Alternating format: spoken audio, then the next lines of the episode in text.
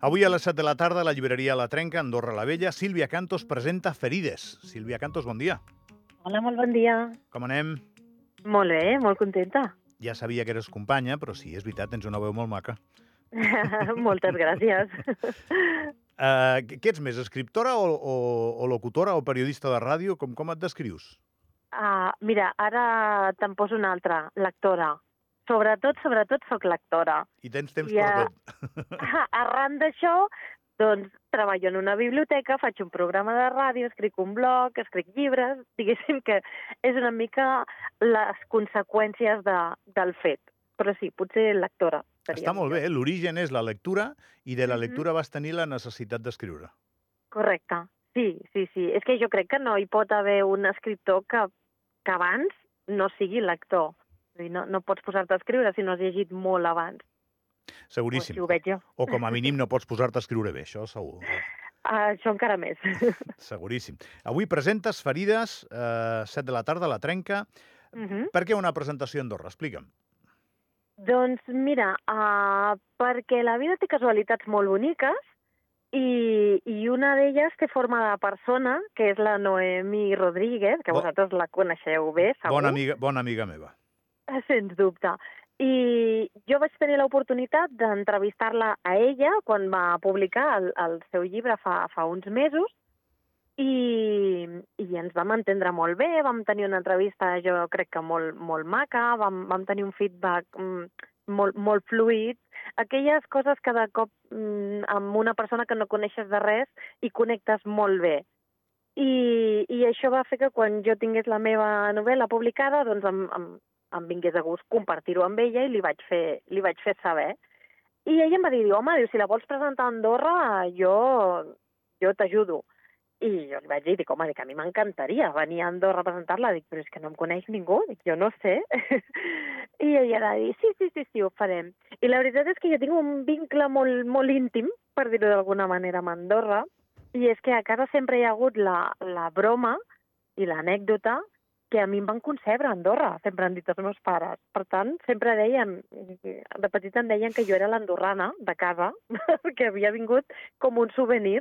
Això està Ja. confirm, confirmat científicament? És dir, se sap? Segons els meus pares, sí. Per tant, jo ho dono per bo. Era un viatge d'esquí? Era de senderisme per venir a comprar? Era un viatge de, de passar uns dies a Andorra sense més intenció que passar-ho bé i gaudir de- d'aquest país tan bonic. Saps l'hotel? Ostres, no, i això ja no he gosat preguntar. a mi m'agradaria anar a dormir a l'hotel que em van concebre per, per tenir l'experiència. Sí, sí, sí. I si anem una mica més enllà, jo he vist una d'aquestes vegades, diríem que aproximadament nou mesos després vaig ser mare, també. Per tant, diguéssim que és molt fructífera la nostra relació amb Andorra. Molt bé, Sílvia. doncs avui a les 7 a la Trenca presentes el llibre i la Sí. sinopsi no la faré completa, que ja m'ajudaràs tu, però hi ha una frase que m'ha agradat molt de totes les... Jo no m'he llegit el llibre, eh? de totes les... Uh -huh. eh, els resums que hi ha, que, que trobes per internet, diu tots tenim una conversa pendent amb algú. Sí, sí, sí. I, i, I puntualitzaria especialment amb algú que ja no hi és. Que aquestes són les que... mm, Amb algú tots tenim alguna conversa pendent, que a vegades és molt difícil perquè no ens hi atrevim, perquè hem perdut contacte o el que sigui, però clar, quan és algú que ja no hi és físicament, perquè ha mort, eh, clar, llavors sí que, que l'oportunitat eh, s'ha volatilitzat, ja no, no existeix la possibilitat. Però a través d'una història que vaig descobrir d'un japonès, uh, que es diu Itaru Sasaki, que aquest senyor se li va morir un germà d'una malaltia, i, i ell explicava que, que s'havia quedat amb aquesta cosa, no? que, que tenia algunes coses que no li havia arribat a dir al seu germà i que, i que hagués volgut. I, I aleshores ell, doncs, com que no volia quedar-se amb aquest pes a dins, va decidir al jardí de casa seva construir una cabina bonica, de fusta, amb vidre, i a dins hi va col·locar una rapissa amb un telèfon, un telèfon que no està connectat enlloc. Però que quan ell tenia aquesta necessitat de parlar amb el seu germà, doncs sortia al jardí, entrava a la cabina, despenjava el telèfon i li deia allò que volia dir-li.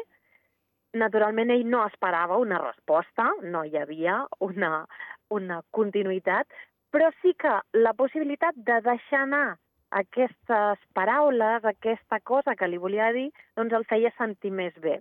I jo vaig pensar que això mm, era molt bonic, que podia ser realment molt útil per, per moltíssima gent que, que, que té aquesta necessitat també.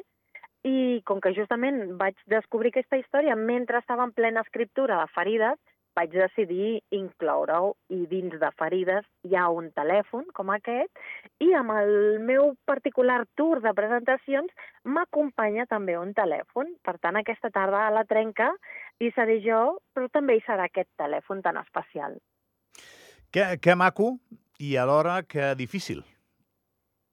Sí, sí, ho és. Sí, perquè has, has d'establir una connexió Mm. amb un fet que, que t'ha de fer bé, perquè si no t'ha de fer bé, millor no fer-ho, no? Eh, En teoria, el dol No. l'has de passar i un cop el vas incorporant, aquest Mhm. dol eh, t'ha de connectar amb les coses bones que, que et donava l'altre i que recordes i que tens integrades en tu, no?, de, de la relació amb la persona que ha marxat. Però si xerres amb ella, eh, també m'imagino que has d'estar equilibrat suficientment com perquè Mhm. el dol no, no, no et faci mal. Vull dir, tot plegat és una cadena de- de- d'emocions bastant complexa, no?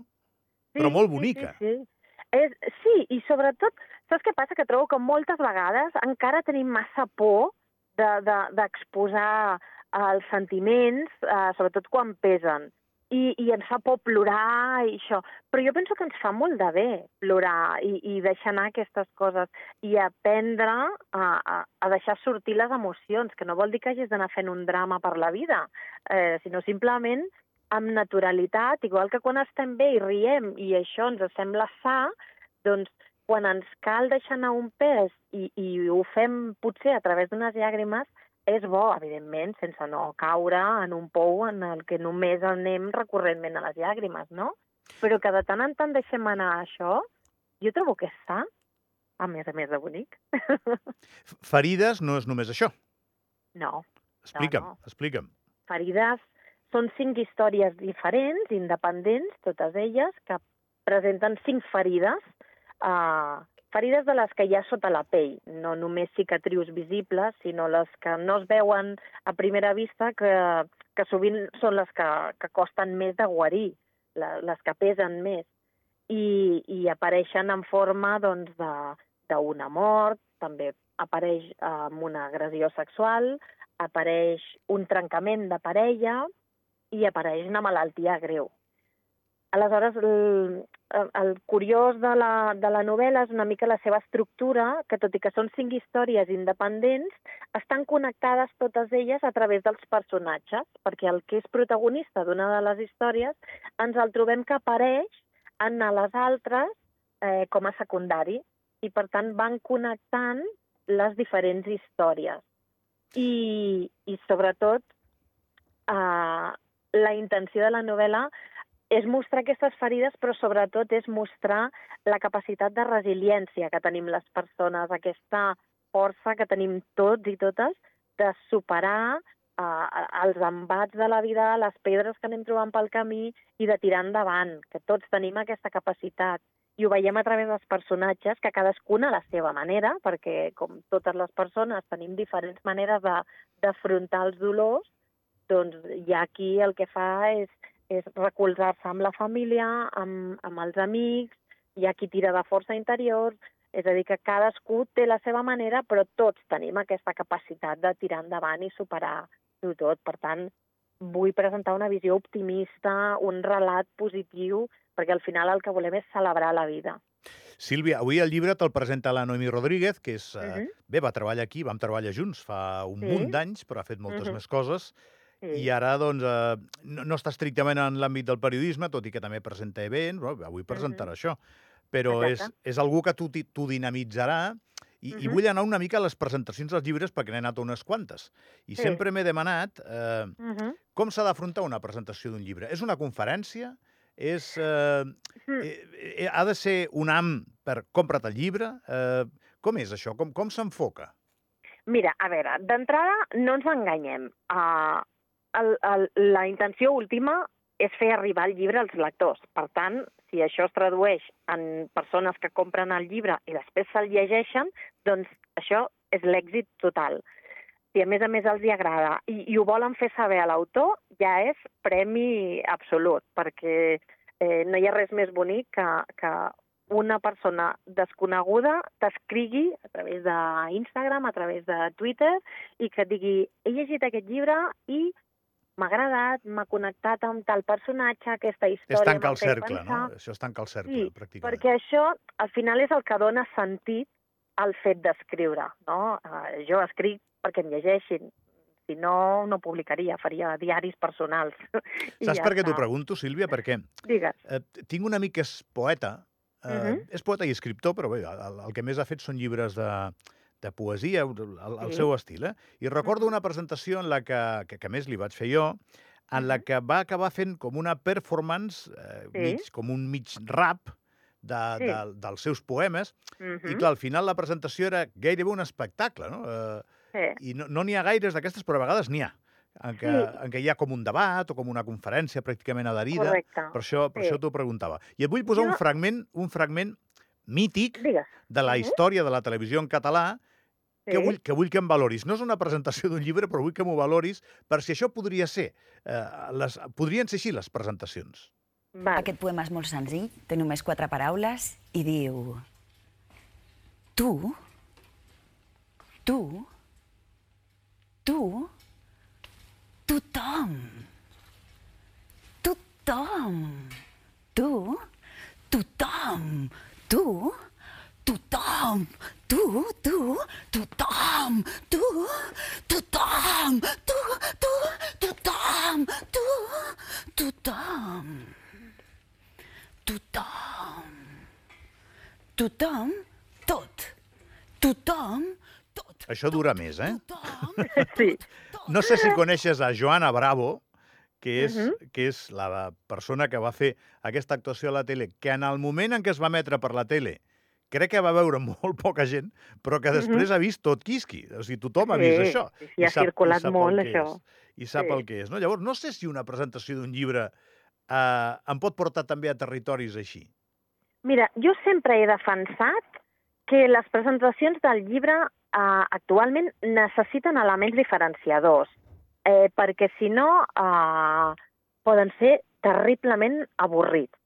I, I llavors això ens va en contra, els autors. Per tant, nosaltres eh, ens hem de reinventar una miqueta.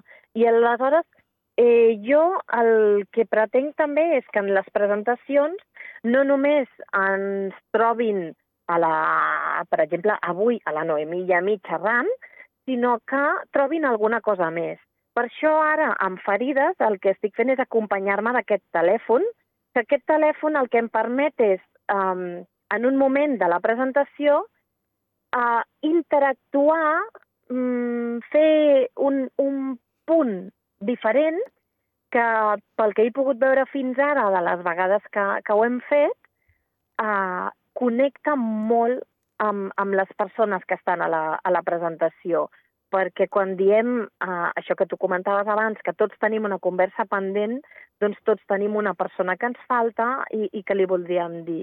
I, I quan he fet aquesta intervenció amb el telèfon a les presentacions que hem fet fins ara, la veritat és que han, han sigut moments molt especials, um, que hi ha hagut una màgia um, i una connexió molt bèstia amb la gent i que quan hem acabat i, i hem tingut aquella estoneta per, per parlar i saludar-nos, eh, doncs el comentari general ha estat ostres, que bonic, m'has fet pensar en aquesta persona, m'has tornat al meu pare, a la meva germana, al meu company, eh, i realment és, és molt maco, perquè és el que busco, que la gent no marxi de la presentació pensant, bueno, val, sí, mm, m'han eh, presentat aquest llibre, m'han dit que, que serà així i sembla que potser és interessant.